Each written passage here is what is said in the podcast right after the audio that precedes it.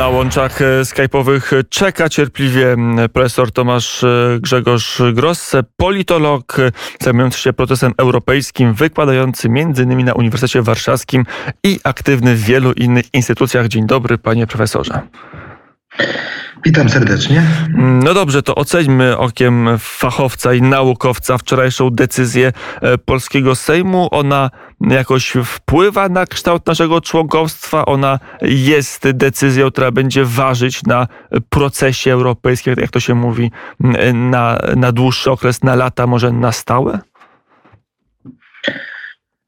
Tak naprawdę w, w sensie formalnym ta decyzja nie ma znaczenia dla naszego członkostwa w tym sensie, że bez względu na to, czy ten Europejski Fundusz Odbudowy będzie, czy nie będzie, bo przede wszystkim tego dotyczyła ta decyzja, dotyczyła zwiększonego pułapu e, wydatków z budżetu Unii Europejskiej i tak zwanych dochod, nowych dochodów własnych Unii Europejskiej, czyli dokładnie jednego nowego podatku, który jest wprowadzony na poziomie europejskim. Niemniej, tak jak powiedziałem, w sensie formalnym, y, to y, czy ten Europejski Fundusz Odbudowy i ten nowy podatek istnieje, y, nie decyduje o naszym członkostwie. Natomiast oczywiście ta decyzja była bardzo ważna, zarówno z punktu widzenia polityki krajowej, jak i jeszcze bardziej europejskiej, dlatego że wiele państw członkowskich można by powiedzieć, z wypiekami czeka na to, aż ten fundusz y, zostanie ratyfikowany przez wszystkie państwa członkowskie, przez parlamenty tych państw.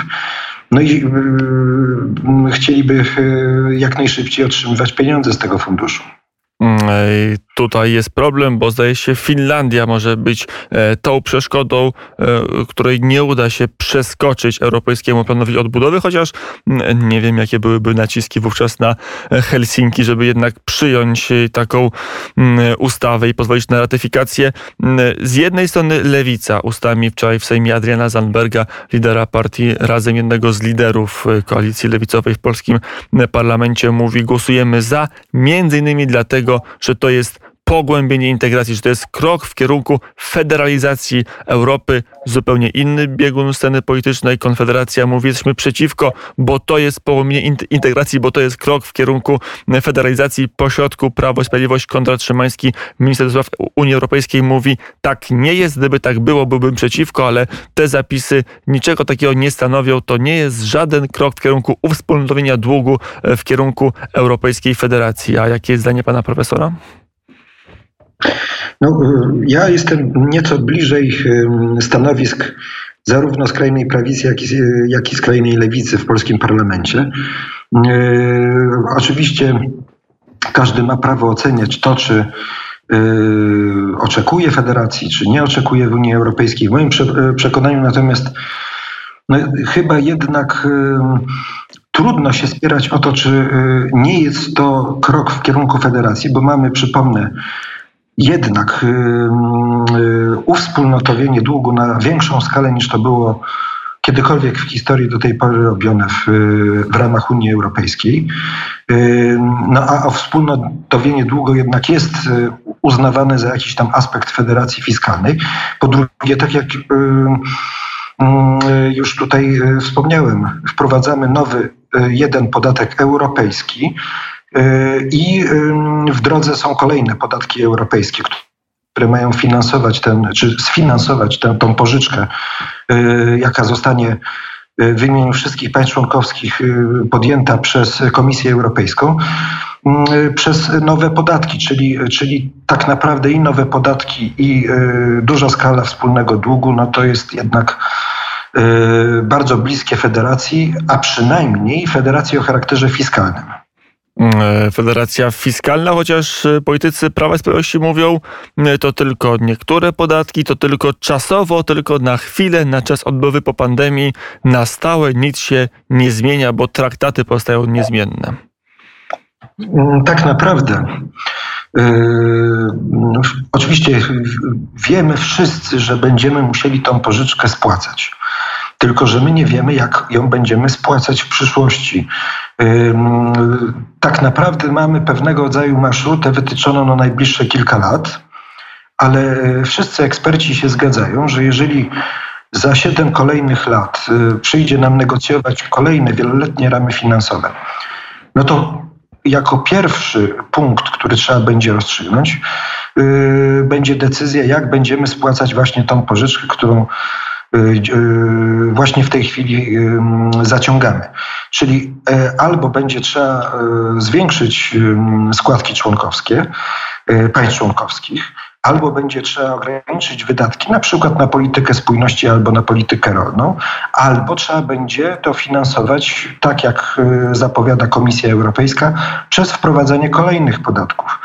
Y, a ponieważ y, Europejski Fundusz Odbudowy jego ostateczna data spłaty jest przewidywana na 2058 rok, to my tak naprawdę przez wiele lat będziemy jakby musieli odpowiedzieć na to pytanie, jak spłacamy tą pożyczkę.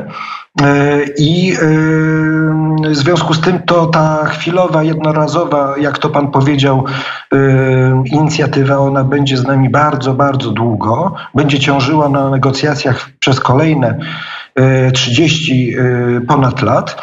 I z całą pewnością będzie ogromna presja na to, żeby zwiększać dalej poprzez podatki europejskie, tak zwane dochody własne Unii Europejskiej. I wiele państw członkowskich, wielu polityków, na przykład w Parlamencie Europejskim, ale nie tylko, bo również w polskim, jak słyszeliśmy wypowiedzi przedstawicieli lewicy, ten kierunek rozwoju czy pogłębienia integracji europejskiej w kierunku federacji fiskalnej przyjmuje z otwartymi ramionami. Niektórzy na przykład twierdzą, że to jest tylko początek, bo ten y, kolejne transze wspólnego długu, kolejne podatki, kolejne y, elementy właśnie tej federacji w wymiarze fiskalnym, one będą szły jakby teraz znacznie, znacznie odważniej dlatego że przekroczyliśmy pewnego rodzaju Rubikon i to w, w sposób bardzo wyraźny. No I teraz będzie coraz więcej Europy. Y, na ile jest tak, że ten dług jest uwspólnotowiony? Bo to budziło też duże wątpliwości, że jeżeli e, Włochy, Grecja, Portugalia może nawet Francja albo Hiszpania zbankrutują, to e, Warszawa będzie musiała spłacić ich części mm, zadłużenia w ramach Europejskiego Funduszu Odbudowy, czy to jest tylko nasz krajowy dług? Ile my e, pożyczymy, tyle my będziemy musieli spłacić. W tej chwili my startujemy z pewnego poziomu, w którym po pierwsze jesteśmy beneficjentem funduszy europejskich, y, po drugie jesteśmy krajem stosunkowo słabiej rozwijającym się w porównaniu do innych, y, bardziej zamożnych krajów Europy Zachodniej. W związku z tym ten poziom naszej spłaty jest ustawiony stosunkowo nisko. Ale tak jak powiedziałem, to jest poziom ustawiony na najbliższe 7 lat. W kolejnych negocjacjach ten, ten poziom będzie dostosowany i tak ustawiany, żeby on odpowiadał naszemu prawdopodobnie e, zwiększającemu się dochodowi narodowemu. Ale czyli, to, że, czyli, czyli, że ja dobrze rozumiem, to jest tak, że nieistotnie, bo może być tak, że Polska nie weźmie żadnej pożyczki z tej, z tej części niegrantowej, która jest w tym funduszu i w ogóle się nie zadłuży, a i tak będzie musiała coś spłacać w ramach kolejnych wieloletnich ram finansowych. Dobrze rozumiem? Przede wszystkim, jeżeli my y, weźmiemy granty, to my y, jakąś, jakiś tam poziom tych, tej spłaty tych grantów gwarantujemy, tak? On jest w tej chwili dostosowany do naszego poziomu rozwoju i do tego, że jesteśmy tak zwanym beneficjentem netto. Ale jeżeli sytuacja się zmieni, a wszystko na to wskazuje, że najdalej w przeciągu 10 lat my będziemy płatnikiem netto. Mówi się o no roku 2027, jako tym momencie, kiedy Polska e, z tego kraju, który dostaje z Unii Europejskiej pieniądze, będzie musiał do niej wpłacać i finansować programy dla innych państw. Jeżeli, jeżeli y, tak będzie, to oczywiście wtedy ta nasza wysokość spłaty tego wspólnego długu, ona będzie dostosowana do naszej zamożności. Czyli my wtedy będziemy więcej płacić niż otrzymujemy. Natomiast schody zaczną się dopiero wtedy, kiedy któryś y, z państw członkowskich rzeczywiście zbankrutuje i nie będzie obsługiwać swojej części tej naszej wspólnej pożyczki, no bo wtedy pozostałe państwa w imię Solidarności Europejskiej będą musiały się podzielić tym długiem. Mm, a na ile te środki są zagrożone, na ile za tym, że my przyjęliśmy zwiększenie środków własnych Unii Europejskiej, Europejski Fundusz Odbudowy, a tym samym nasz krajowy, e, wpuściliśmy do Polski znacznie większą ingerencję urzędników brukselskich. Na ile to jest tak, że te pieniądze e, niosą za sobą no, większą ingerencję w procesy gospodarcze Brukseli nad Wisłą? E, znaczy, tutaj chyba pan redaktor postawił jednocześnie dwa pytania z tego, co zrozumiałem. Pierwsze dotyczy tego, na ile jest prawdopodobne, że któreś państwo zbankrutuje. Nie, na ile, na ile jest prawdopodobna sytuacja, że nagle Komisja Europejska będzie mówić, na, na które projekty dać pieniądze, a na które nie dać pieniędzy, na jakie działania są słuszne, jakie działania są niesłuszne w ramach wydatkowania środków zapisanych w Krajowym Planie Odbudowy takim bieżącym e, administrowaniu, czy e, bieżącemu nadzorowi nad tym, jak Polska te środki wydaje, trochę inaczej niż w tych tradycyjnych budżetach, gdzie jednak swoboda państw jest co nieco większa, trzeba to sprawozdawać, to jest sprawdzane, no ale nie ma takiej bieżącej ingerencji. Czy, czy tu jest niebezpieczeństwo? No generalnie ten Europejski Fundusz Odbudowy on ma dość duży poziom y, kontroli i takich powiedziałbym kryteriów, które muszą być zachowane. Y, żeby w ogóle tak zwane krajowe plany zostały zaaprobowane, to y, przede wszystkim musi to zaaprobować najpierw Komisja Europejska. Ona ma 11 takich podstawowych kryteriów oceny tych, tych planów odbudowy, krajowych planów odbudowy. Wśród nich jest na przykład to, że 37% y, wydatków musi wspierać cele związane z ochroną klimatu, 20% tak zwaną transformację cyfrową. A oprócz tego jeszcze jest dziewięć innych tego typu mm, kryteriów. Jeżeli nawet Komisja Europejska nie jeżeli Komisja Europejska nie zatwierdzi tego planu, no to rząd musi tak długo go poprawiać, aż Komisja Europejska będzie usatysfakcjonowana. Ale mało tego, później y, to y, ląduje na Radzie i państwa członkowskie oceniają, czy te plany y, odbudowy pozostałych państw spełniają ich oczekiwania, czy nie.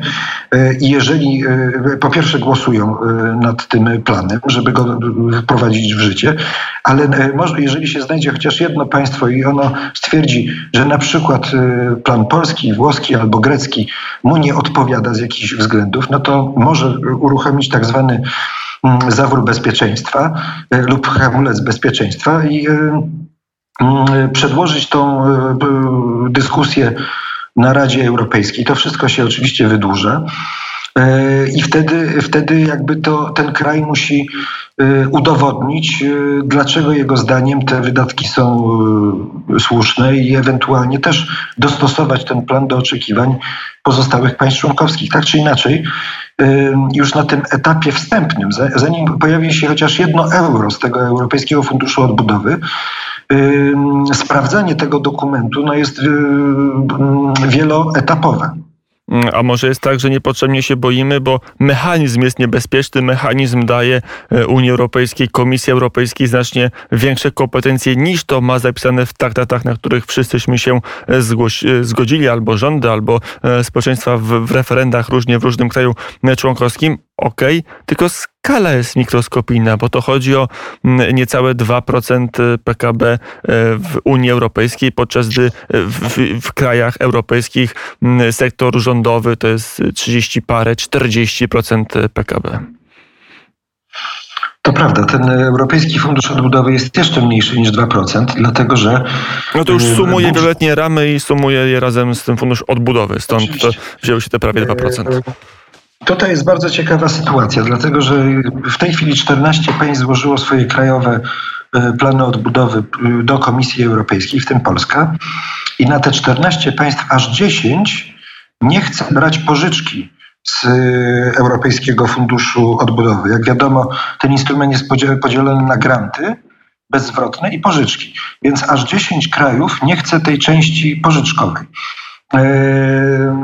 I to oznacza, że mm, jednak ten wielki instrument, który czasami jest określany jako plan Marszala, no, nie jest postrzegany w stolicach narodowych jako coś, co ma ich doprowadzić do zbawienia, bo z jakichś powodów póki co, oczywiście mogą to zrobić w przyszłości, ale póki co na te pożyczki nie są takie chętne i uważają, że to nie jest jakiś wybitnie dla nich dobry instrument, z którego powinny jak najbardziej korzystać. W planie w 14 państw, powiedział pan e, profesor, e, w tych już jest Polska zaliczona, czy jeszcze nie? Już jest z Polską. Już jest z Polską, która przesłała 3 maja ten plan. Polska jest w tej czwórce, która chce te instrumenty dłużne także, ale w polskim planie to, o ile dobrze pamiętam, to jest raptem 30 parę procent całościowej kwoty, jaką my chcemy pozyskać. Więc zostaje nam się jeszcze 60 parę, prawie 70 procent, którą możemy wykorzystać, a której chwilowo nie bierzemy. Co też pokazuje, że nawet jak ktoś chce tych pożyczek, to pewnie większość państw tej czwórki nie chce całości, tylko chce kawałek tej możliwości kredytowej z tego kawałka tylko chce skorzystać.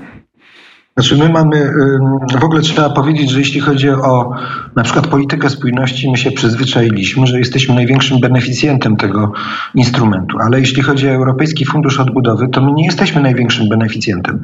My, y, jeśli chodzi o tą część grantową, y, która w naszym przypadku wynosi około 24 miliardów euro, to w tej części grantowej, ta, ta część grantowa, ona jest dopiero na piątym miejscu, jeśli chodzi o jakby ten, ten, tą formę instrumentu europejskiego i y, wyprzedzają nas Hiszpania, Włochy, Francja i Niemcy. Także to też pokazuje, jak się później rozbija, e, rozbijają te wszystkie fundusze, jeśli chodzi o ewentualne pokrycie tego długu w przyszłości.